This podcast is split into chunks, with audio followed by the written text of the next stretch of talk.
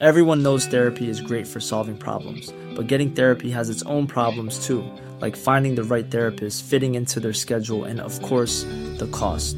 Well, BetterHelp can solve those problems. It's totally online and built around your schedule. It's surprisingly affordable too. Connect with a credentialed therapist by phone, video, or online chat, all from the comfort of your home. Visit betterhelp.com to learn more and save 10% on your first month. That's BetterHelp, H E L P.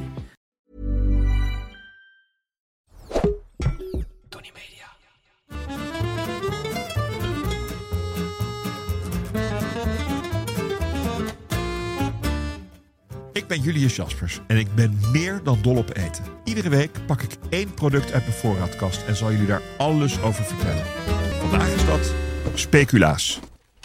Als ik denk aan speculaas, dan denk ik aan de Klaas. Sinterklaas om precies te zijn. Ik weet dat de krengen het hele jaar te koop zijn, dat mensen ze zelfs op de boterham eten. Maar voor mij behoren ze dus bij Sinterklaas. De rest van het jaar eet ik ze dus niet. Mijn oudste Sinterklaasherinnering is dat ik ieder jaar een speculaas, of was het een tai-tai-pop, mocht versieren.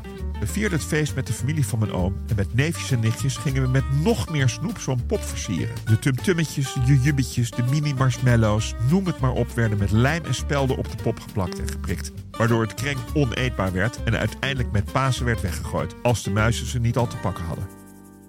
We kennen speculatie uit de 17e eeuw toen Nederland nog het mondiale centrum van de specerijen was. Het begon als een heidens koekje om te offeren aan de goden door de mensen die niet katholiek waren. De heidenen dus. In het begin kostte speculaas de hoofdprijs. Later, toen de specerijen wat goedkoper werden, zakte de prijs en raakten ook de bakkers geïnteresseerd. Ze gingen recepten ontwikkelen, hielden die zwaar geheim en begonnen vaak al in september met het zetten van het deeg, zodat het in december perfect was en in speciale ovens werd afgebakken. Behalve koekjes worden er van het deeg ook poppen gemaakt, wat vroeger het middel was om een potentiële bruid aan te wijzen. Vandaar dat je op de poppen altijd een levensboom, een paardje en een man die een boomplant ziet. Dus let op als je zo'n pop krijgt. De herkomst van de naam kent vele speculaties. Ha, daar heb je er meteen de eerste. Het kan ook van het woord speculum komen, Latijn voor spiegel, omdat de speculaaspop het spiegelbeeld is van de afbeelding op de koekplank. Of van het woord specerij, wat immers die bekende smaak aan de koek geeft. Speculaas, in België ook wel speculoos, is een typisch Sinterklaaskoekje. Maar wordt ook veel gegeten tijdens de adventstijd. De officiële aanlooptijd richting de kerstviering, die dit jaar begint op 27 november en eindigt op kerstavond. Vroeger werd speculaas ook wel gegeten op bruiloften en op de kermis.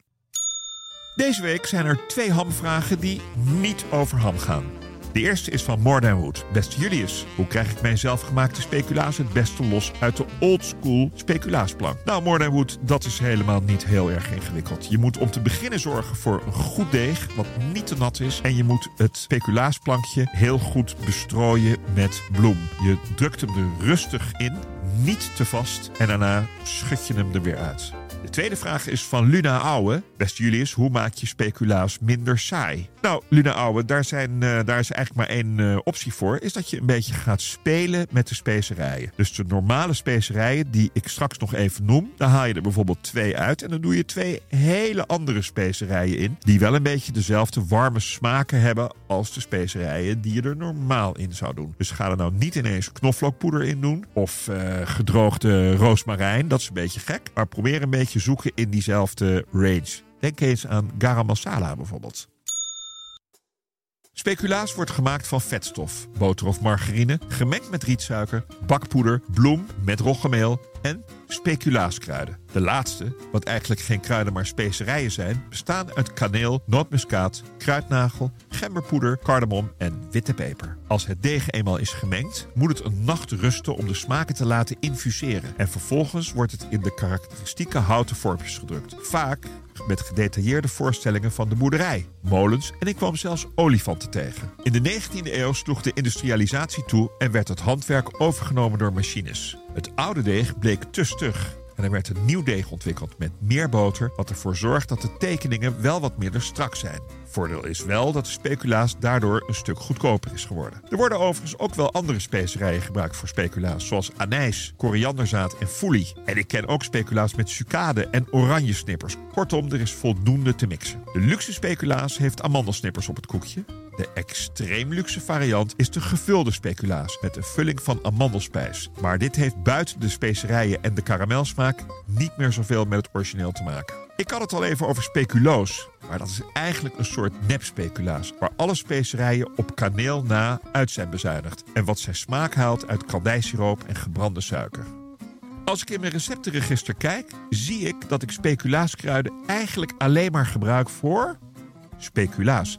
Wat best gek is, want ze doen het ook geweldig in een Indiase curry. En ook in de Chinese keuken kom je ermee uit de voeten. Als een rub of als onderdeel van een marinade. Wat betreft de specifieke speculaaskruiden zou ik me vrij voelen daar wat in te wisselen. Kees Holtkamp gebruikt buiten de eerder genoemde specerijen en wat extra gemberpoeder ook nog anijs en foelie. Maar ik zie niet in waarom je bijvoorbeeld kaneel niet zou mogen vervangen door sterrenijs om er eens iets te noemen.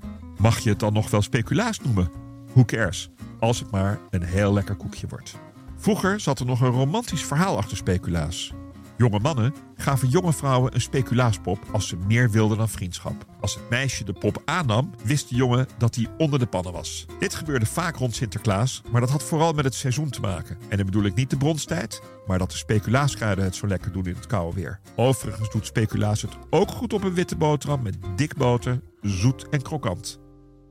Deze week gaan we in het geheim van de chef zelf speculaas maken. Klik op de link in de beschrijving van deze aflevering voor het recept van mijn grote vriend Kees Holtkamp. En als je het echt wil leren, zou ik ook nog even kijken op FoodTube. Die coole site die barst van de foodfilmpjes, waaronder die van Kees met zijn kleindochter Stella, die zelf speculaas maken.